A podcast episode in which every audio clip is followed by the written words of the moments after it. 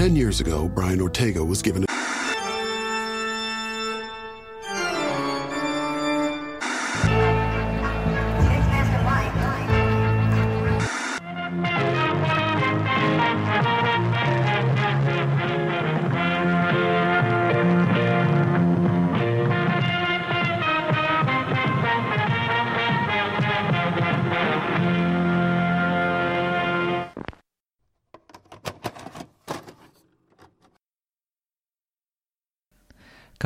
Kemalesan, laziness. Oke, okay, gue nggak bakal di sini untuk berkhotbah kalau, eh, kalau lu males, you gotta get your shit together, man. Cause there's more to life than you think. I'm not gonna do that, cause you know, gue sendiri juga, I'm a lazy motherfucker, alright. Um, but you know sometimes lu harus you know lu harus melakukan apa yang lu harus lakukan gitu kan you gotta do what you gotta do tapi akhir-akhir ini I'm just feeling so lazy. I don't know why. Um, mungkin sejak gue hiking kayaknya. Jadi kalau lu follow gue di Instagram kemarin gue pergi hiking bareng teman gue Bradley, Ivan, Matthew, Becky, uh, sama Leo. Kita berenam gitu kan. And damn, keren sih tempatnya. Namanya Lederderg Circuit Walk and itu kayak hutan gitu jadi you know di internet kita ini, tempat ini cuma satu jam it's an it's a one hour drive from Melbourne jadi cuma nyetir satu jam dari Melbourne dan kita udah sampai ke tempatnya dan di web page-nya bilang oh ini hike-nya bakal 4 sampai 5 jam doang and you know it's no big deal uh, you can just do it easily. Tapi what they don't tell you is itu 4 jam 5 jam kalau jalannya itu tuh lebar sama nggak ada tanaman-tanaman berduri. Dan juga jelas gitu jalannya. Kemarin gue anjir kita di sana tuh hilang dua kali tiga kali oke? Okay? gue udah sampai manjat sampai berapa tinggi abis itu kayak jalannya buntu. As gue pikir what the fuck? Ini pertama gue ini manjat oke? Okay? manjat meaning ini bukan jalan. Gue manjat. Gue literally manjat.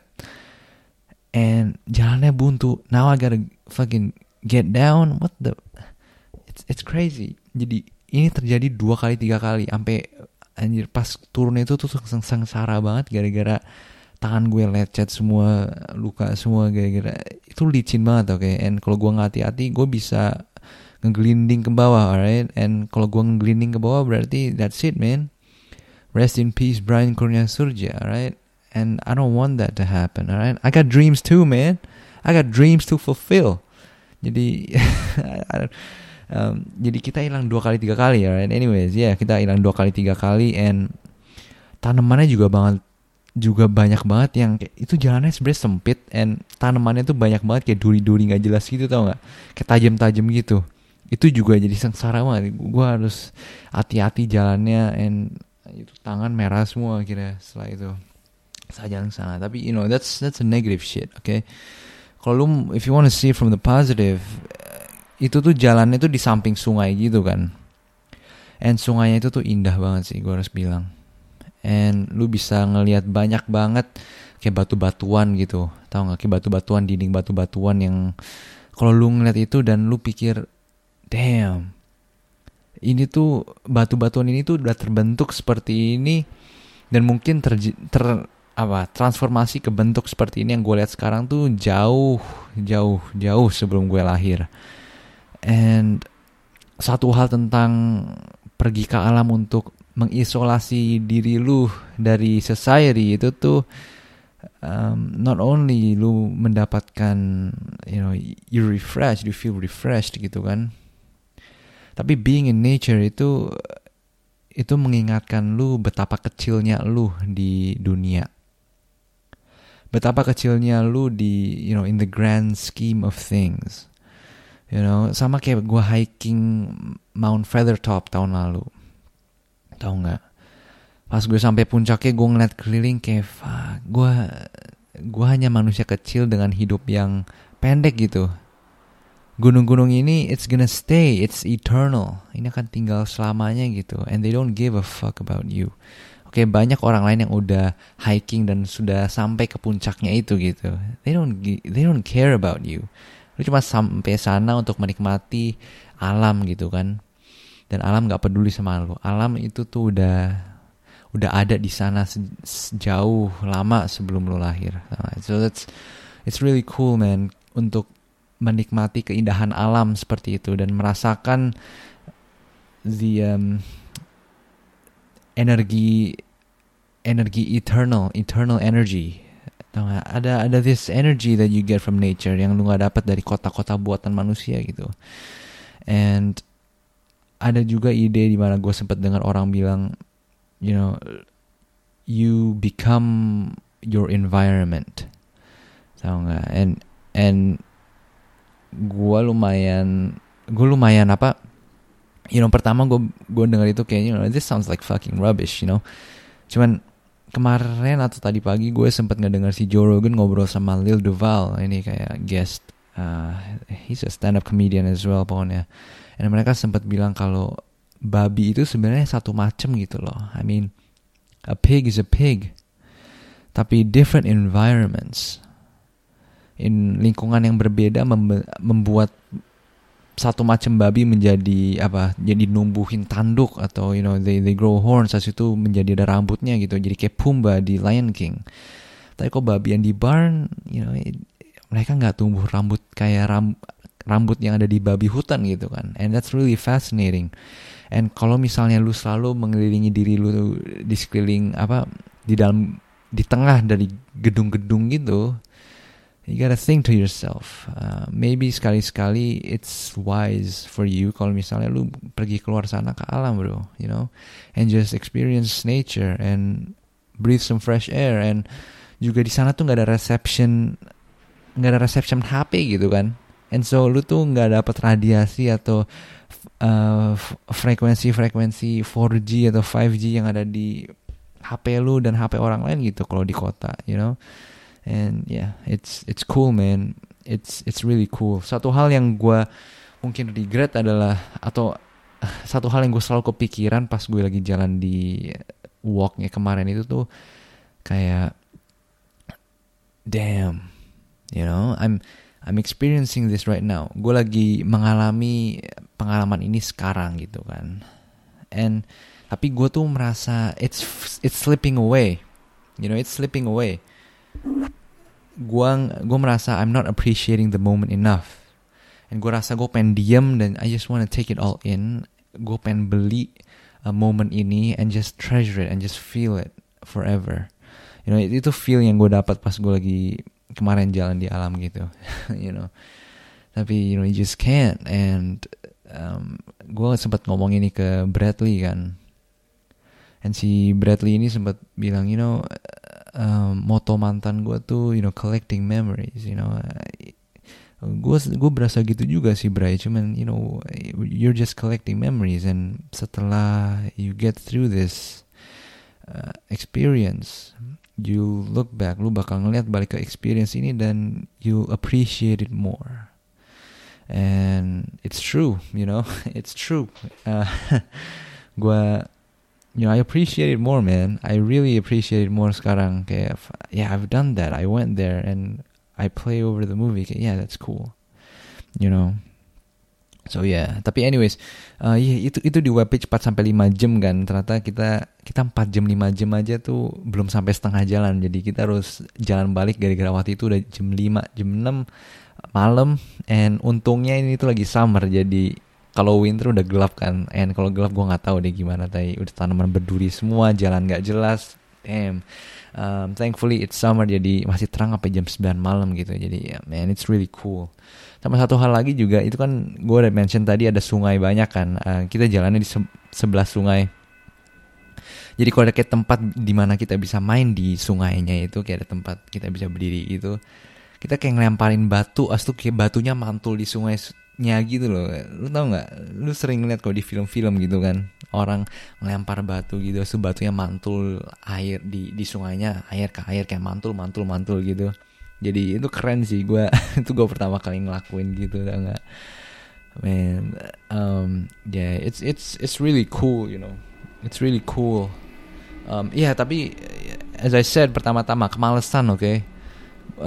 gue gue ngomong-ngomongin kemalasan jadi ngomongin hiking nih dan alam. Um, iya jadi Iya sejak kemarin gue hiking gue jadi kayak malas-malasan gitu loh. Besoknya gue seharian di rumah gue cuman apa ngeberesin kamar kosan dikit gitu. Gara-gara you know gue harus move out juga kan. Gue harus move out sebelum hari Minggu.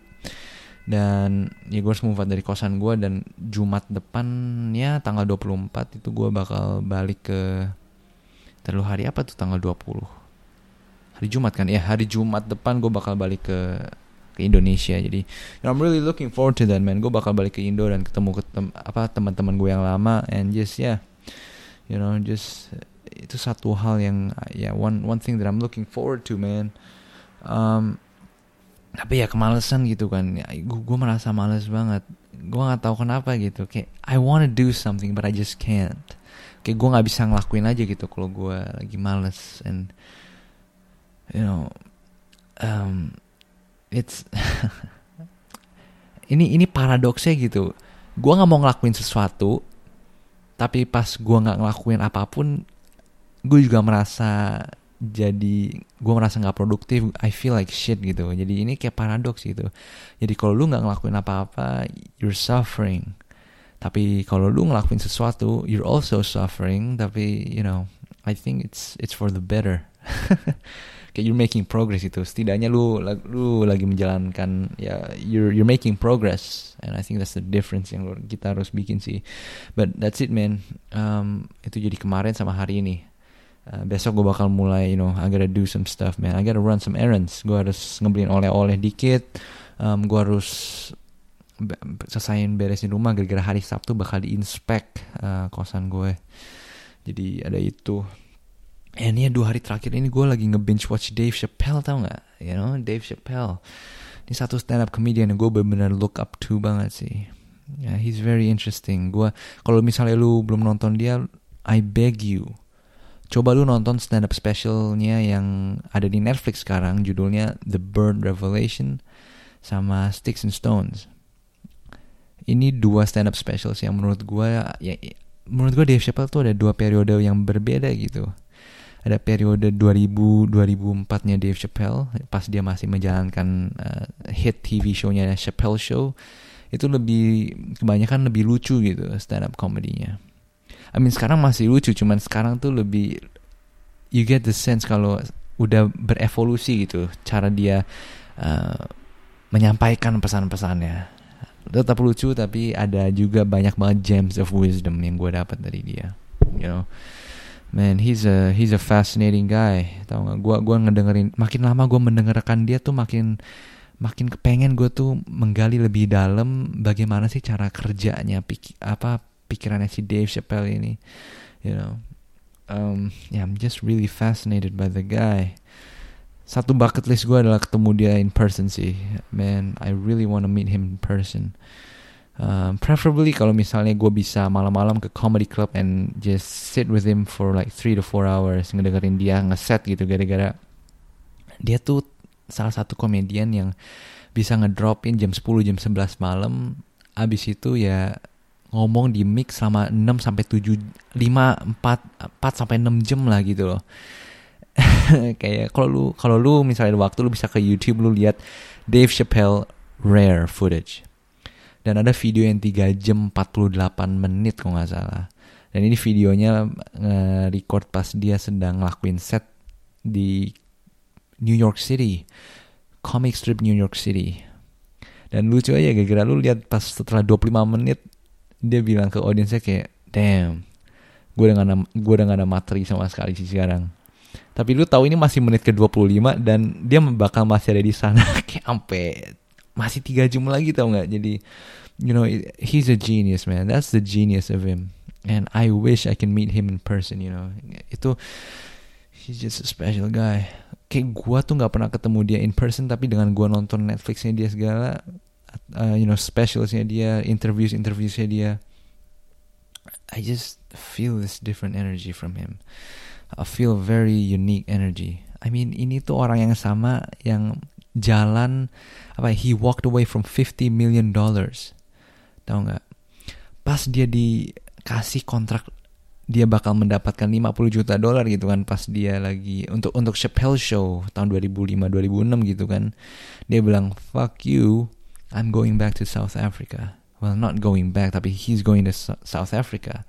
Dan orang-orang pada saat itu juga mikir anjir Dave lu tuh orang gila ya lu kabur dari uang sebanyak 50 juta dolar you know, as itu media mulai ngebilang oh dia dia ngedrak lah dia orang gila ini apa nih you know And I don't think he's crazy. He also doesn't think that he's crazy, tau gak? Karena dia tuh udah bisa, he knows the system. He knows how the system works. He knows the game. Dia tuh orang yang pinter banget, tau gak? Dia bisa tahu gitu what's going on in Hollywood. Kenapa dia dikasih 50 juta dolar? Kenapa coba? dia tahu orang-orang lain yang sama kuatnya karakternya tuh bisa jadi gila karena level kesuksesan yang setinggi tingginya itu jadi dia bisa ngebaca dia bisa nge ngeliat gitu di antara garis-garis tipis itu dan dia bilang fuck this I'm going to South Africa you know and he's just he's a very smart guy tapi ya yeah, you know it's it's very cool I'm very fascinated by the guy you know satu hal selain bucket list gue itu gue kepengen banget ngeliat dia ada di Joe Rogan Experience sih.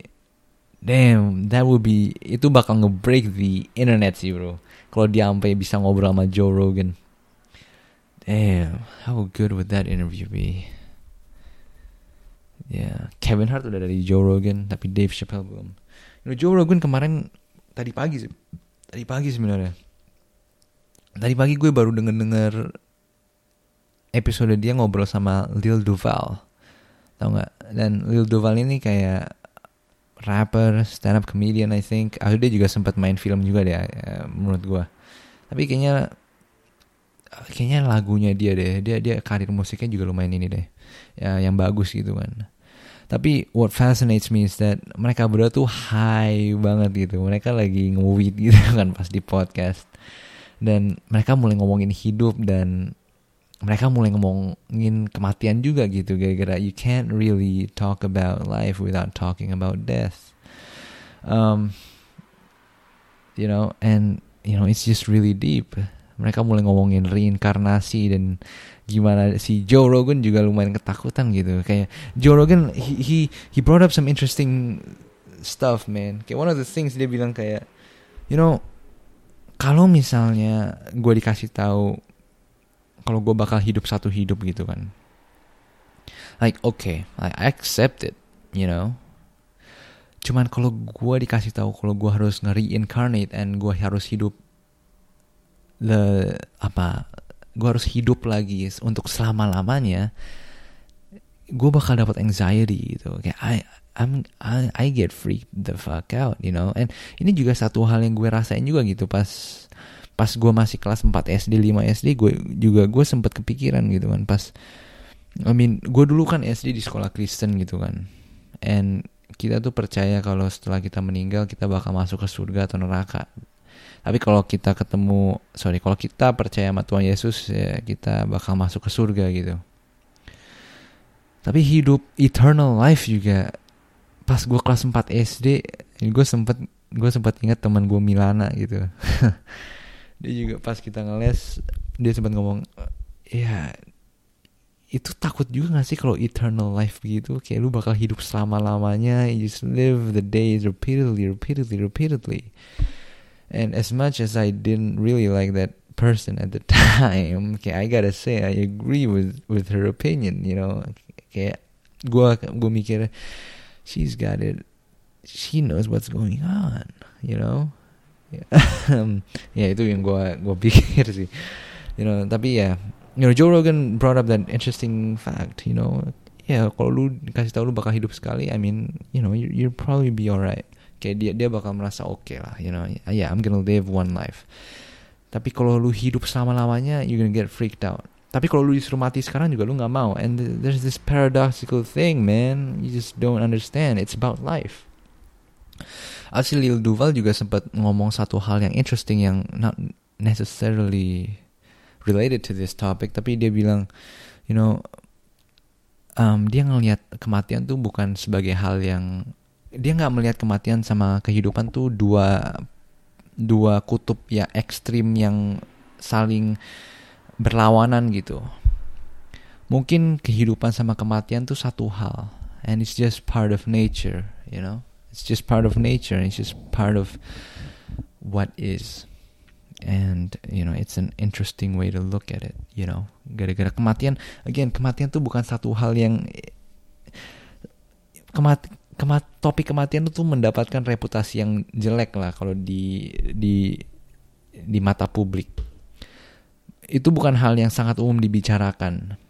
Orang-orang tuh ngomong rencana hidup mereka tiga tahun, lima tahun, 10 tahun ke depan as if kalau mereka bakal hidup gitu dalam 10 tahun.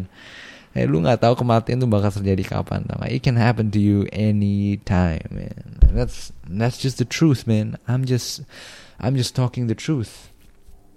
Um, gue gue gue sempat ngebaca buku Seneca on the shortness of life. Gue ketemu buku ini pas kemarin gue di library um, di di Docklands, tau gak? Gue gue ngeliat bukunya and you know gue gue I, haven't really finished the book. Gue belum selesaiin bukunya tapi di 10 halaman pertama juga it's densely packed with wisdom about death you know ini kayak ngasih tahu lu banyak banget kebenaran-kebenaran tentang kematian dan bagaimana kematian sebenarnya bisa it can give you this sense of urgency tau gak you know it ties in back to Dave Chappelle. Dave Chappelle juga bilang kenapa dia memulai stand up comedy pas masih umur 14 tahun adalah dia ngeliat temennya tuh banyak yang meninggal gitu.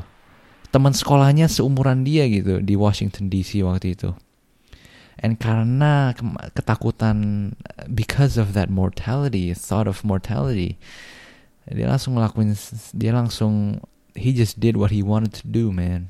And you know that's that's the thing. We act as if we're immortals, tapi we're actually not. Kita sebenarnya enggak gitu. You know, and it's I think it's really cool to put into perspective kayak are you actually doing what you want to be doing? Kalau misalnya besok tuh hari terakhir fuck it man. Fuck tomorrow. Coba kalau hari ini tuh hari terakhir yang lu bakal hidup di dunia ini. Kayak are you gonna be satisfied man? And that's like sebenarnya kayak gue bilang tadi gue cerita dua hari terakhir ini I'm not really that productive. I haven't been doing shit that much like you know I'm wasting my life if that's the case you know. And that's the case for most of us kan. Kebanyakan dari kita kita cuman menjalankan hidup. Yeah, we just exist tau gak we, we're not necessarily living. Ini satu hal yang dibicarakan sama si Seneca juga kayak most of us we most of us live most of our lives by existing not by living tau gak we only exist most most of the time. We're not really living. And you know that's that's really cool man. Um, that's itu itu ngeberi lu perspektif juga sama tentang kehidupan dan hal-hal yang mau lu lakukan. Like you don't have forever to do these things. Kalau lu nge postpone everything to the future like it's a promise and it's not guaranteed. Okay why not just fucking do it now? Well you're afraid of judgment? Like yeah everyone is. Everyone is afraid of judgment. Unless you're Dave Chappelle of course. Tapi I don't know. Um, ya ketakutan dijudge juga itu um, tentunya podcast ini udah ngebantu gua nge nge-battle that out a bit sih. Cause you know pertama-tama gue mulai podcasting ini gue lumayan gue pikir you know people are gonna judge me people are gonna listen and for sure I know people talk shit behind my back about my podcast. You know that's just the way it is. I I don't know who I don't know how tapi I just know tau gak gue tahu aja gitu pasti ada orang talk shit behind my back negatively and make fun of me for doing this. Tapi that's what that's the worst case. I'm still here. I still got family. I still got friends that i can talk to that i trust. You know you know people that i trust in my family. I got i got my brother and they're all right. Okay although they you know some of them talk shit behind my back that's fine.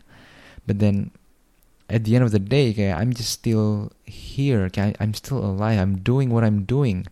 And orang-orang yang nggak melakukan apa yang yang mereka sebenarnya mau lakukan kayak you know um, I don't know man. Kayak I just like I'm okay. It's like it's just it's just weird though seeing other people kayak hate on you and just like fucking make fun of you kayak and just kepo banget gitu sama apa yang lagi apa ya kayak ngekritik I don't fucking know, man. Because truly, like, of course, I give a shit about like other people's judgment, tapi not so much right now. Gara-gara, again, as I said before, podcasting ini udah ngebantu gue nge-battle that out a bit. Kayak sekarang I just do it because of, you know, I just want to do it. And kebanyakan orang tuh nggak ngerti kenapa gue mau ngelakuin ini gitu. Temen gue kayak nggak ngerti gitu. Kayak, why are you doing this? You know, tapi I just have that itch kayak ada gatelan aja mau gue gatel yang mau gue garuk tau nggak? And um, seperti gue I don't know gue sempat ngomong atau enggak tapi gue ngeliat podcast ini sebagai kayak benih yang gue tanam gitu. And I'm gonna let the universe or God or nature just take it and you know take its course and I'm just gonna follow it you know? Gue nggak tahu akhirnya ini podcast bakal jadi kayak gimana but I'm just gonna do it you know gue bakal ngenanam aja benihnya and see where it goes you know? It's not promise I don't know. Gue nggak tahu kalau akhirnya orang bakal suka sama gue atau nggak suka sama gue podcast ini bakal bagus atau enggak akhirnya. You know I just uh, it's not a promise you know? I don't I don't know that shit. So yeah I just do what I do man. Um, ya, ya kayak kematian itu loh. Kematian juga merupakan satu hal yang ngebuat gue melakukan hal ini gara-gara you don't have forever you know.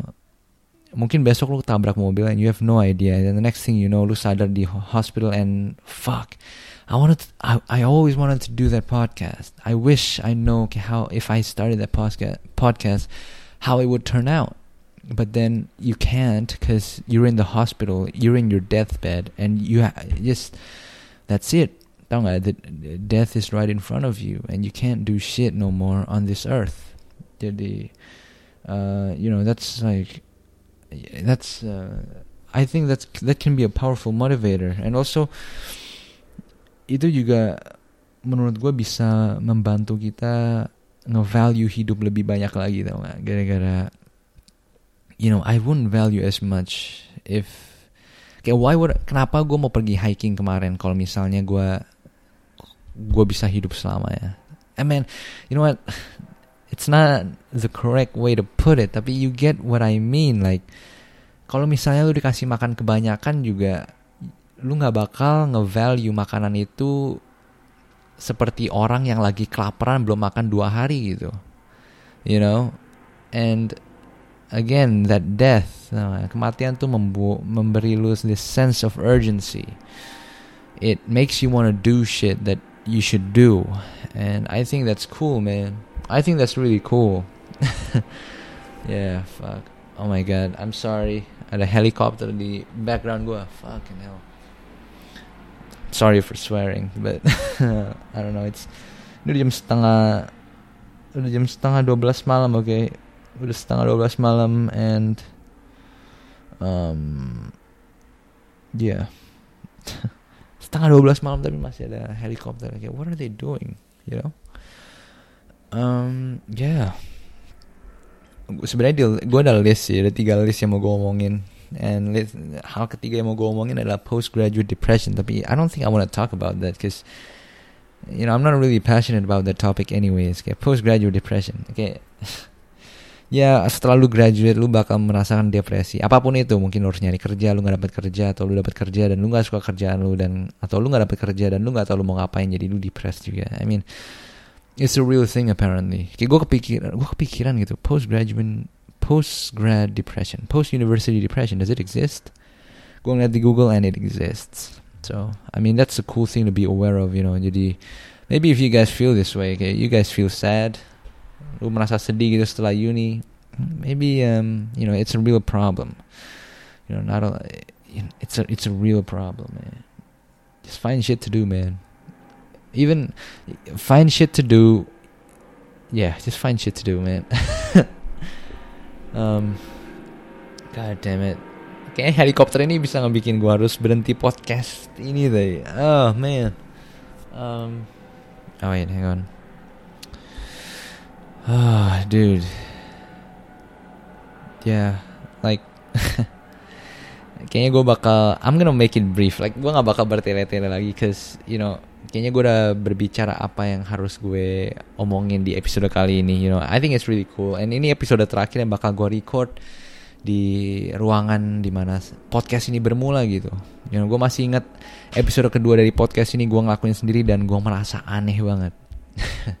dan gue nge-recordnya di di di ruangan ini di kamar kosan gue dan ya gue akhir minggu ini bakal pindah dari kosan gue. Dan gue bakal pindah ke Canberra. Gue bakal pindah ke Canberra brother. And yeah um, tentunya of course please follow this podcast. Gara-gara di episode episode selanjutnya gue bakal nge-interview orang-orang lain. Um, hopefully. Dan for sure kalian bisa mendapatkan sesuatu karena you know one thing also about this podcast gue tuh udah belajar lumayan banyak juga loh. Dari dua orang yang gue undang gue udah lumayan belajar banyak dan viewpoint mereka masing-masing. You know Cheryl Marella dan Rane Hafid eh, mereka benar-benar they're a fountain of knowledge and wisdom. And yeah you know uh, so stay tuned man. Stay tuned for future content. Um okay anyways thank you for listening. Uh, I will see you in future episodes Bye bye.